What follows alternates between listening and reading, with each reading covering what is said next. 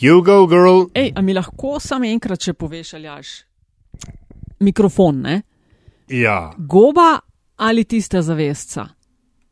Ali oboje? Pa še soba s pencami, pa pod na fedrih, pa vsi proizvajalci šumov v sosednji sobi, da se javno ne sliši. Mislim, če hočeš imeti res kvaliteten zvok, ni zgornjega limita denarja, ki ga lahko za to zapraviš. Ma te nehi taka znanost ali kaj. Ej, super, da te Ja. imamo v metinem čaju, da poskrbiš Ja. za vse te kakšne gričke pa dolince, ki se zgodijo. Jaz pa mislim, da je super, da se ne vidi, kako je s to v resnici delam. Boš enkrat posnel video Mhm, Ne. o tem? E, vidiš, točno o tej epizodi eh, govoriva deloma tudi o tem, ne? namreč kako nove generacije, eh, malo bolj kot eh, naša in tudi starejše, tripajo na video vsebine. Ne? Čeprav to smo že slišali, tudi ko smo imeli v umetnem čaju šefico časovisa, nam je povedala, da je Ja. mularija na YouTubu. Tako. Ja, da, skoz, da so veliko bolj vizualni. Ja. kot smo bili in smo mogoče še mi. Skratka, Met in čaj. Uh, nova epizoda, številka 172 je to, podcast o medijih, dobrih in slabih praksah, novih tehnologijah in trendih prihodnosti. Gostje v medijih delajo, z njimi živijo in o njih razmišljajo. Gostitelja pa sva Nataša Briški Metina Lista in Aljaš Pengov Beatens Radio Chaos, oba na Twitterju pod Afna DC43 in Afna Pengovskim, sicer pa komentarji in predlogi. Hvala za vse, kar sva doslej dobila, vse preberva. Dobrodošli še vedno, bodi si na ključniku Metin Čaj ali pa na e-mail naslovu infoafna metinalista.si. Tokrat se bo Aljaš eh, lotila zelo odličnega projekta, ki sliši na ime Lie Detectors. Projekt za mlade, govorila sva, oziroma bova, ne, z Juliane von Repert Bismarck, ki je ta projekt eh, naredila in bo povedala, kako ga delajo, kako rekrutirajo novinarje, eh, kaj so bili glavni izzivi, ko so se lotili tega projekta. Tako da eh, zelo zanimiv pogovor se obeta in vam tudi vsem vnaprej kličeva hvala. Za, če se vam bo zdela epizoda zanimiva, da jo boste delili in mogoče tudi podprli ustvarjanje vsebin na metini listi. Ali ja želiš še kaj dodati, preden greva in preklopiva na drugi uradni jezik metine liste, to je angleščina. Me zanima, kdo bo tretji. Ne, ampak res. Super je, zanimivo je, marsikdo se lahko iz današnjega pogovora kaj nauči, ne samo učenci in učitelji. Juliane von Repert Bismarck is with us, uh, the CEO or something of lie detectors, Juliane. Hi, that's right. I'm the CEO and I'm actually the founder. I came up with this um, crazy idea just uh, just over two years ago, and um, and have been working on it ever since. Mm, yeah, we want to know all about it, but it's customary for Metasti or Metin Chai originally that we start uh, with asking our guests to introduce yourself to us, to people who uh, are not familiar with you. Could you tell us a little bit about your media career? Yes, with pleasure. So, um, my name is Juliana, as you said, and um, first of all, I'm really happy to be on this um, on this uh, on this podcast. It sounds like we're going to have a really lovely conversation. I um, had been a journalist for about 20 years. I started off uh, working in radio in Edinburgh, and um, then I had a stint in London, and then decided I really wanted to kind of kickstart my career, or rather, just you know, give it a bit of a boost. I went off to Columbia Journalism School and did a um, a master's there in broadcast journalism. Never got into broadcast journalism, but I have been working in print and mainly in the English um, speaking world. Um, so I have written for Dow Jones and Reuters, um, for the Wall Street Journal. Um, I've written for an investigative news service called MLex, and I have mainly been in um, in Brussels and in Washington, but I also had stints in um, where have I been? Ham- um, oh God, I almost forget in Madrid, um, in Madrid, in London, and I've done quite a lot of um, reporting in the field in places like the Arctic and Sub-Saharan Africa because I've been writing an awful lot about um, international trade, sometimes about energy. Um, but really, I'd been a dedicated and very committed and happy journalist for almost 20 years um, when all of a sudden I realized that I was going to have to do something quite different, at least temporarily. My plan is at one point to have solved the problem of disinformation, which we're going to be talking about, and then go and Very go back and go back to being a journalist.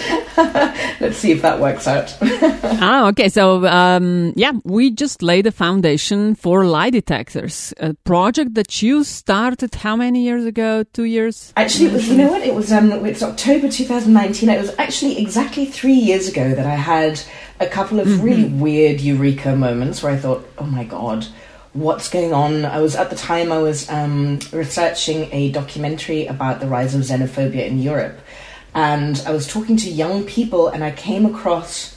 Um, during a conversation with a 13 year old um, German school child, um, I came across what circulates in their virtual playground, um, in their virtual, you know, schoolyard.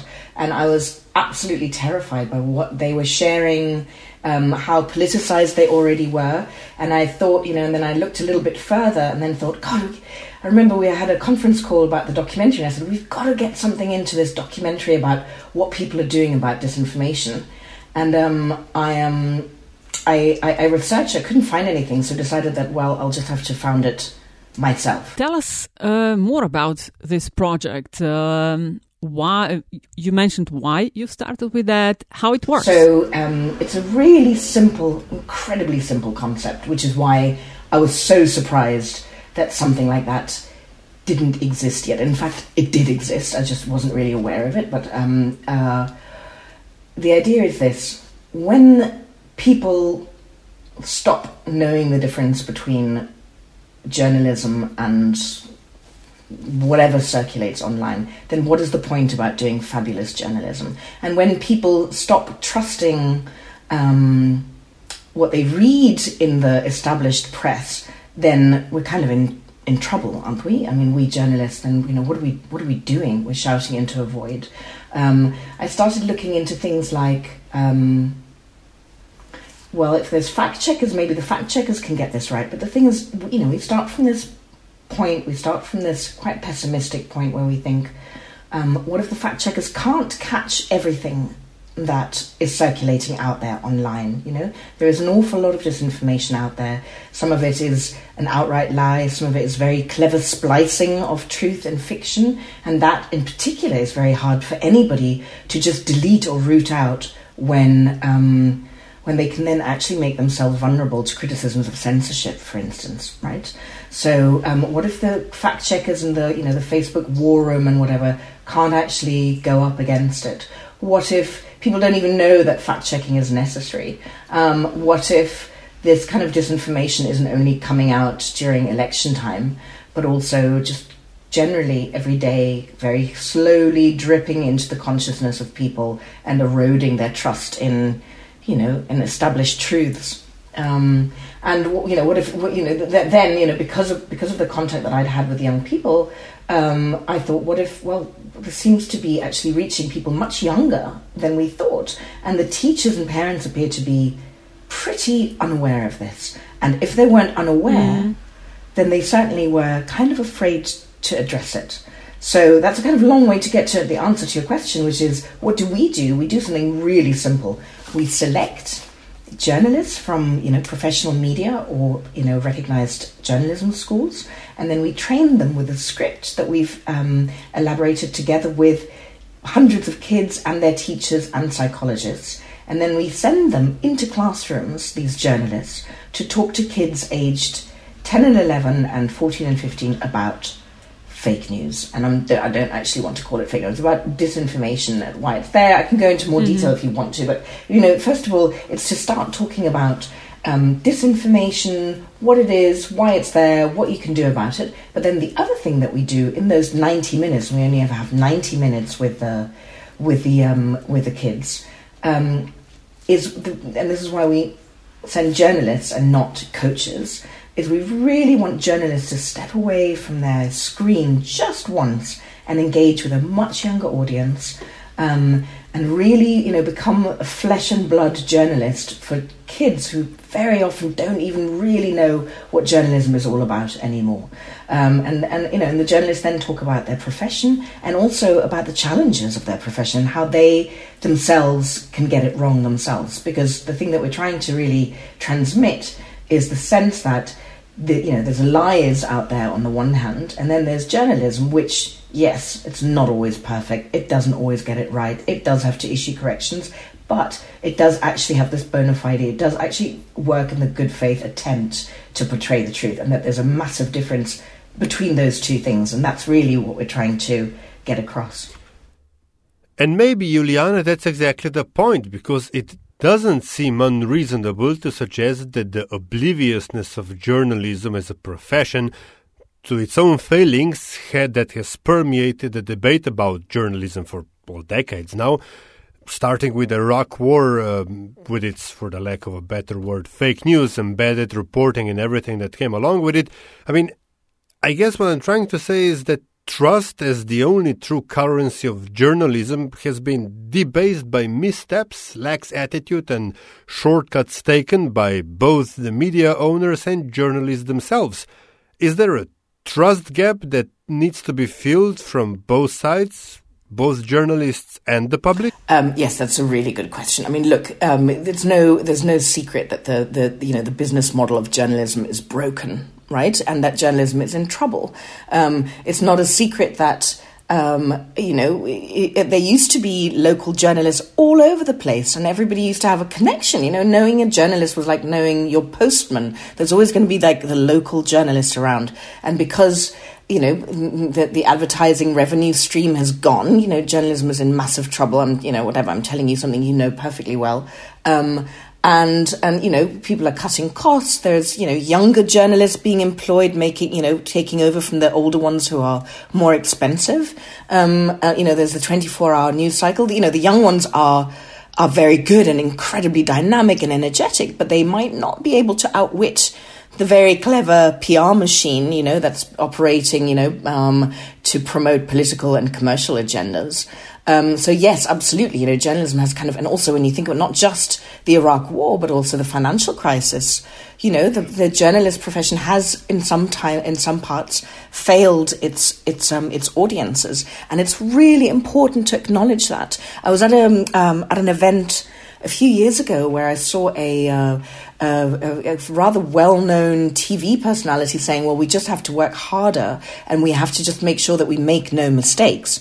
But the thing is, it's impossible, isn't it? I mean, in a 24 hour news cycle with limited resources and ever more resources being pumped into a PR machine, you know, behind behind every interest group. Um, uh, it's going to be impossible to be to make absolutely flawless journalism, and that's why, yes, you're absolutely right. It's time that we say, you know what? We no, we don't always get it right. No, and you know what? If you want to know the whole truth, don't just read me. Don't just take my word for it, because I'm not the owner of the whole God-given truth. You know, if you want to know, then read around. By all means, you know, make sure that what I have done, what my colleagues have done, is correct. Well, to be honest, my question was actually a really long winded attempt to strike a more positive note, asking you whether um, this sort of education, if you will, is uh, not just good for the kids, but for journalists who participate as well. I mean, it seems almost like a journey of rediscovering one's own profession. Yes, that's a, yes, yeah, and I have to say they are quite. Um, uh, not all the journalists enjoy admitting their mistakes because actually during the um, during every classroom sessions we request and we you know we, we demand um, that they that they actually talk about with the kids you know with 10 year olds with 15 year olds um, about episodes where they have tried to be to do good journalism and they've actually not been able to do it. Um, and some of them really i mean they're really nervous when they first do it um, um, um, the things I've watched this, you know, and I you know, I tested it, and believe me, it's a really nerve wracking thing to be doing to actually say mea culpa. I've not always got it right, you know. But you actually you see, you know, you could you could hear a pin drop in a classroom when the journalist talks about that, you know? The kids really listen because this idea that a journalist, an adult, a professional journalist has come into their classroom and is talking to them and is admitting their own failings is unbelievably powerful and they all pay incredible attention at this particular point. Um, and for the journalists, yeah, I mean, they, they, um, they come back, they, you know, they, learning, there's so much learning that apparently they do. I'm only just finding out about it from them. I know what I learned, but we now have um, almost 200 journalists working and going into schools um, with us. And, um, you know, just yesterday, uh, we, I just saw a few of them tweeting about classroom sessions they were doing, and they were saying, my God, they're all on.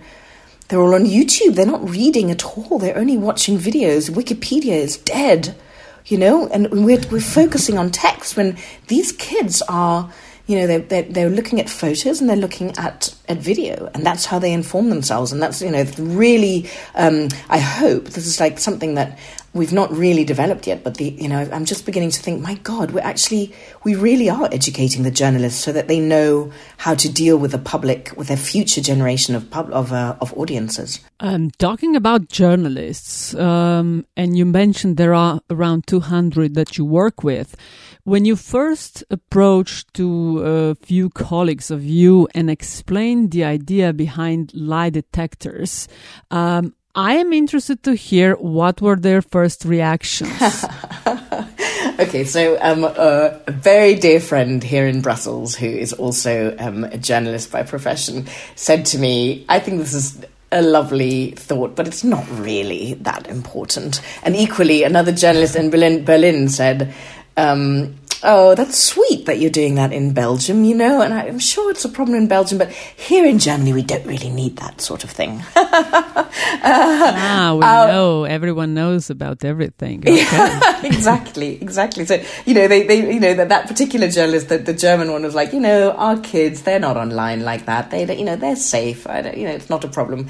Um, so that was right at the beginning. Obviously, that's changed. We also had to, you know, this idea that we're going to send journalists into schools to not give a lecture but actually listen to the kids as well because we do something you know the, the stuff that we do is very interactive because we want to hear from them. Um, uh, that's not really to the liking of every journalist you know and not every journalist is going to participate. And i remember once being in a in a in a conversation about possible cooperation with a with a particular news organization where when i said look if you have some political affiliation, you know, and you go into a classroom, you're going to have to come clean about that. You're going to have to say, look, kids, I do the best journalism that I possibly can, but I have to tell you that I already have this particular viewpoint, you know, that's going to um, influence the kind of stories that I select. And that way become credible to the kids. And I've had, you know, in that particular situation, somebody actually walked out of the the negotiation, which was fine, you know. Um, um, but people have really sort of got to come around to this, and there's a lot of mouth propaganda going on now, and we're we're getting an awful lot of demand from journalists wanting to to get on board. So that's really nice too. Ah.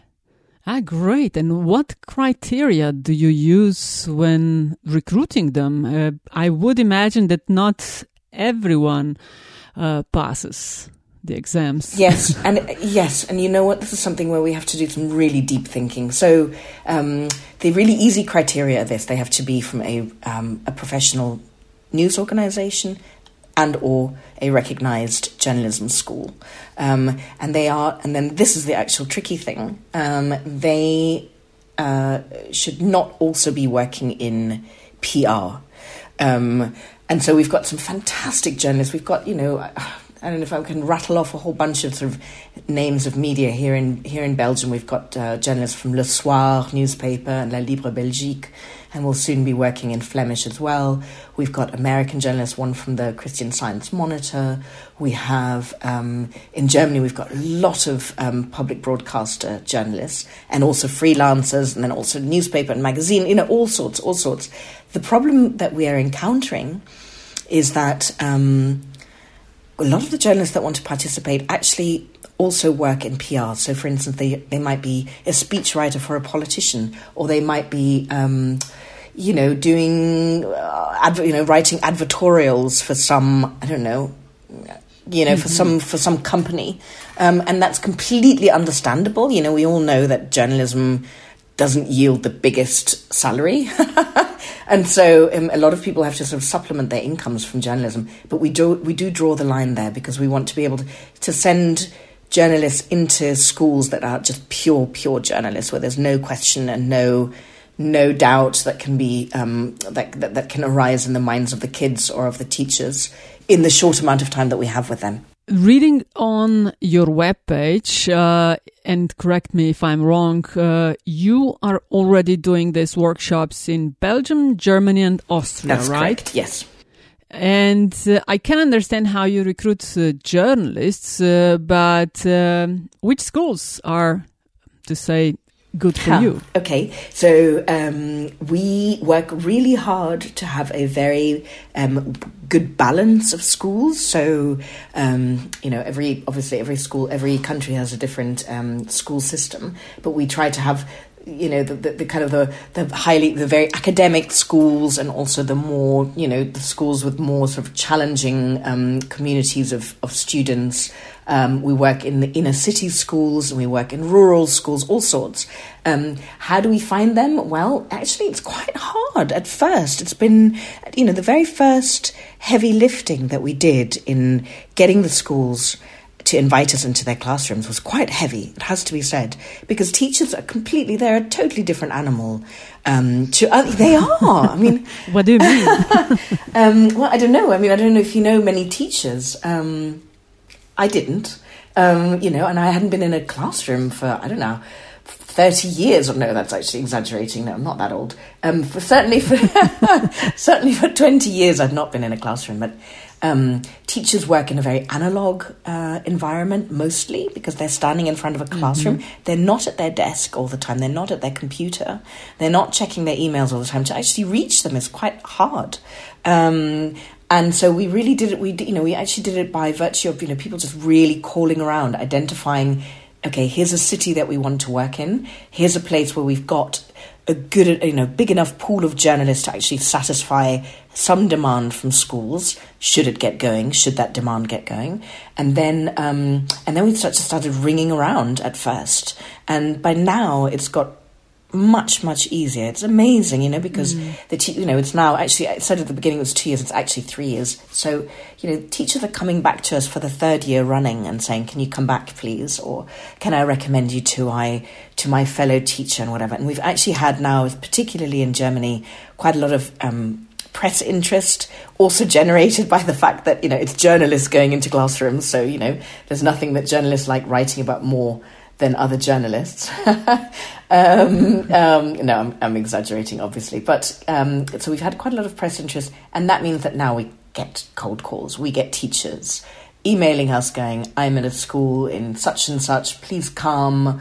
I don't know what's going on with my kids, but they're like falling for the, you know, I'm worried about the Blue Whale Challenge. I'm worried about Momo. I'm worried, you know, they worry and they don't know how to tackle it. So they're more and more just contacting us out of the blue. So, what is it you're finding is the main problem, so to speak? Uh, unfettered and unmoderated access to the internet, where kids take everything at face value without fully realizing the context, or actual misinformation in terms of shaping a conversation or pushing a narrative? What is it that you're dealing with more in the classrooms? Oh, okay. Um, so every classroom is different, and you never know what you're going to get. And you never know, particularly with the teenagers, the 14 and 15 year olds, you never know are they going to be incredibly savvy already? Might they already have talked about this with some other teacher, you know? Or are they actually quite analog themselves and not really that aware and still reading their parents' newspapers? That happens less and less. But because the um, because the classrooms are so diverse and different, um, we actually make sure that we train the journalists to deal with any situation, right? To actually be able to to to to, to adapt to a classroom situation quite quickly. So um, sometimes we talk much more about.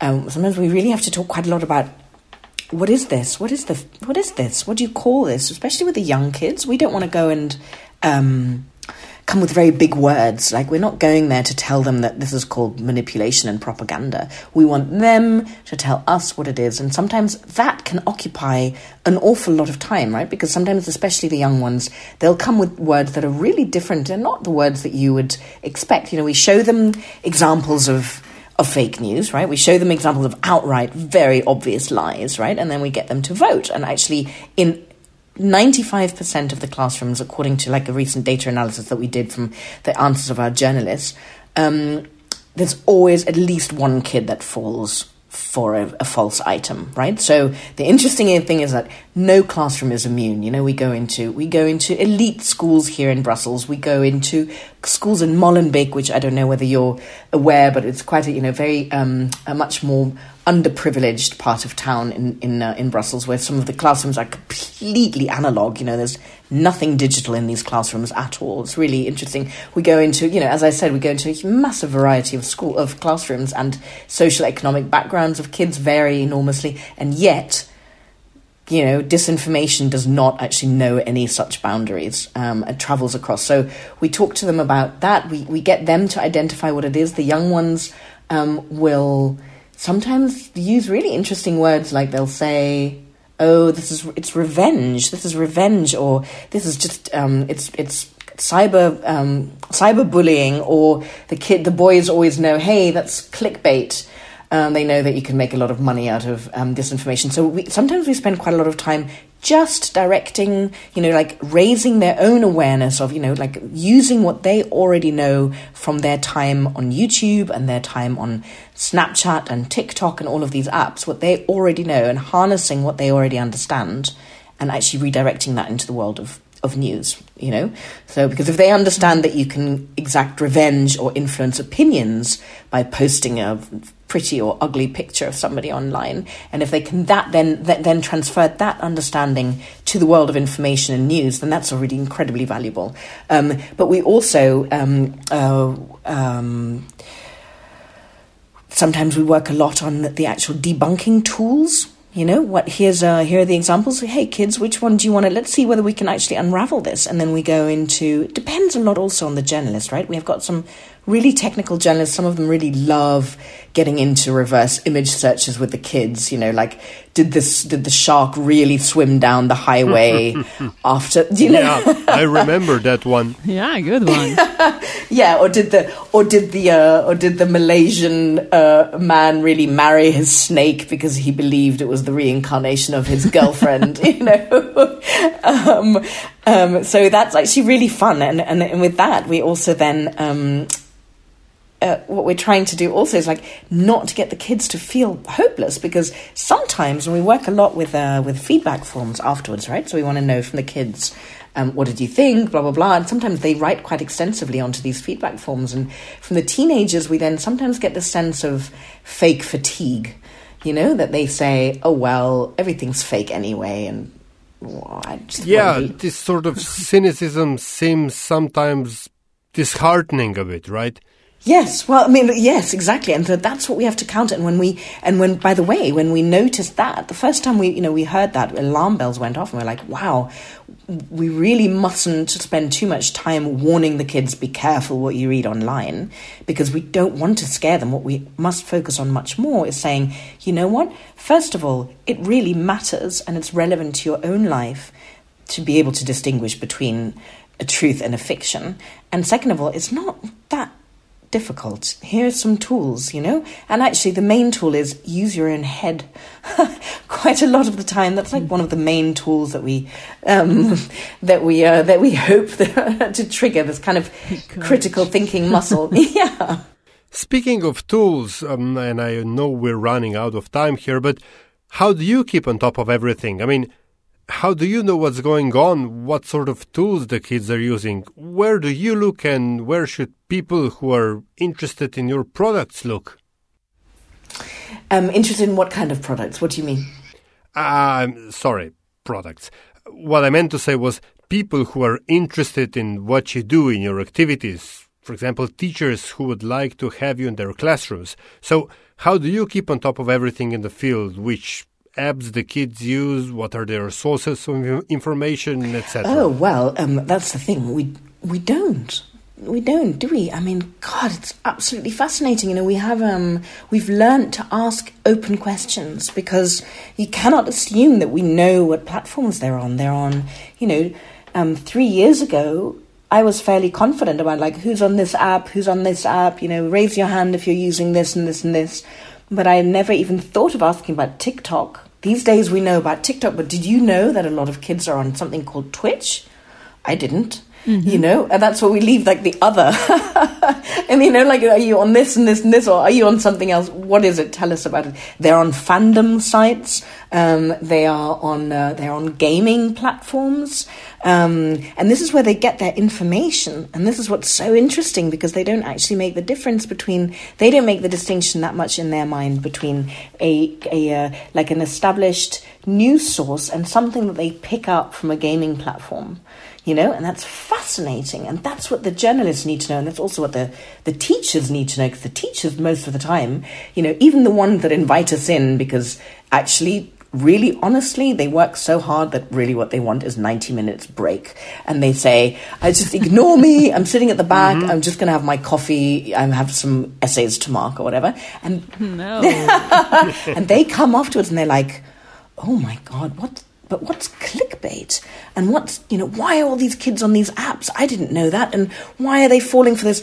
I thought the computer teacher had told them all about this, right? So, um, no, we can't know. Alias, we, we, we cannot know where they are. And that's what, and that's what makes this so fascinating. And this is why it's so important when, when we go into the classrooms to not go there and deliver a lecture, but actually to ask them because they are, you know, they're the future and they're moving in they're moving in arenas that we don't that we don't know. You know, we recently did this survey where we finally collected all the feedback and evaluated the feedback from 8,500 children and their teachers, and we discovered that there's this gigantic divide. You know, we adults, you know, we're talking about fact checking on Facebook, and you know Jack Dorsey of Twitter has just said he's not going to allow political ads, and there's you know, uh, and now there's pressure on Facebook and Google to do the same, at least during you know the run up for the UK elections. Um, but the kids couldn't care less about that. They're not on Twitter. They're not on Facebook. Um, they're on all of these weird, you know, other platforms. But the good thing is, is that you can actually talk to them about truth and fiction and the value of truth and the value of being able to distinguish between all of those and also identify opinions um, and actually then pick out the facts and make your own opinions without actually just swallowing somebody else's. That you can talk about. That's like that is a you know the, the, the human urge to deceive for their for personal gain is very very old, and you can talk about that regardless of whether you know about Snapchat or TikTok. So it's fascinating. You know, one day, one day I'll be a you know Snapchat native, but so far I'm not. yeah, well, I've given up. So, Juliana, you mentioned uh, that uh, disinformation does not know any boundaries, and we will enclose on our website the report that you mentioned, the tackling uh, disinformation face to face. I think is the title, journalists' findings from the classroom. But I wonder, since you're working in Belgium, Germany, and Austria, are there any differences? Do um, journalists report back to you about differences? Uh, there may be different experience that they have in these countries, and of course, when will you come to Slovenia? Hopefully soon. Um, we're actually working on coming to, to Central Europe um, very, very soon, um, hopefully in the next year. So keep you posted on that one. Um, the report um, you will see there's a glaring hole exactly where that analysis would go. What is the difference from one country to another? Um, and actually, this is something that, you know, when we were putting together the report, it was like, God, it's remarkable, isn't it? How equal the findings are. I mean, you'll have massive discrepancies, you know, from one classroom to the next, but overall, country to country, language to language, you know, media landscape to media landscape, um, the findings are fairly similar. The kids are much more visually literate than textually literate. Then they are they are they're looking much less on on text based apps.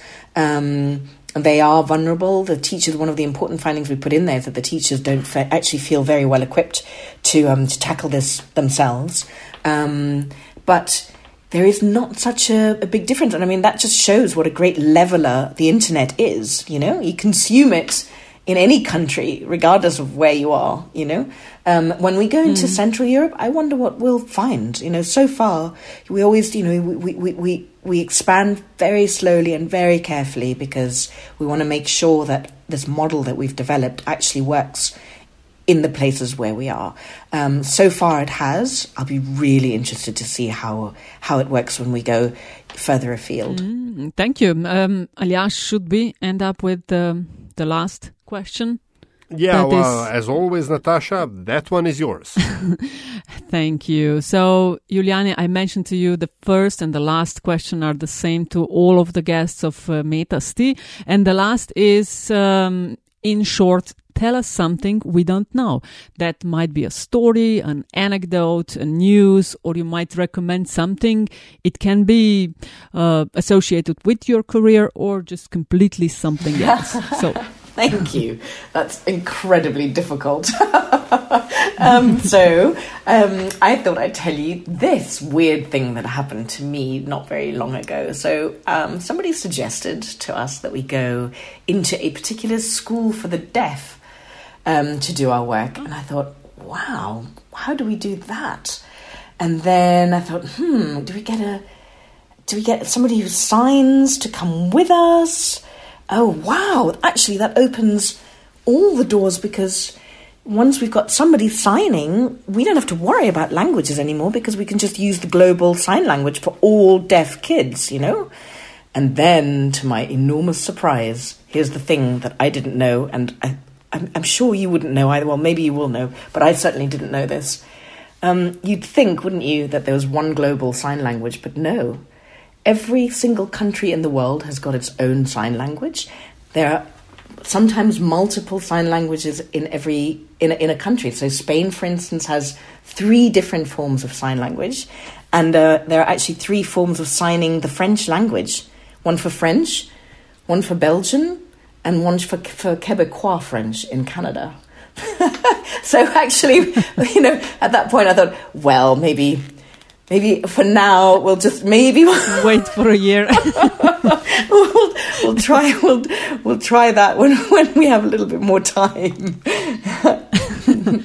well, when you come to Slovenia, I think uh, me and Aljaž might have a solution in, in that field for you. yeah, we know a couple of uh, sign language interpreters, yeah. so you're covered on that front.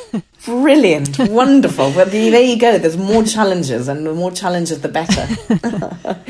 so, Juliane von Reppert-Bismarck, thanks so much for telling us more about the project Lie Detectors and congratulations. Uh, also, you won the European Commission's EU Digital Skills Award for your work in education. So, hats off. Thank you so much. I really enjoyed talking to you both.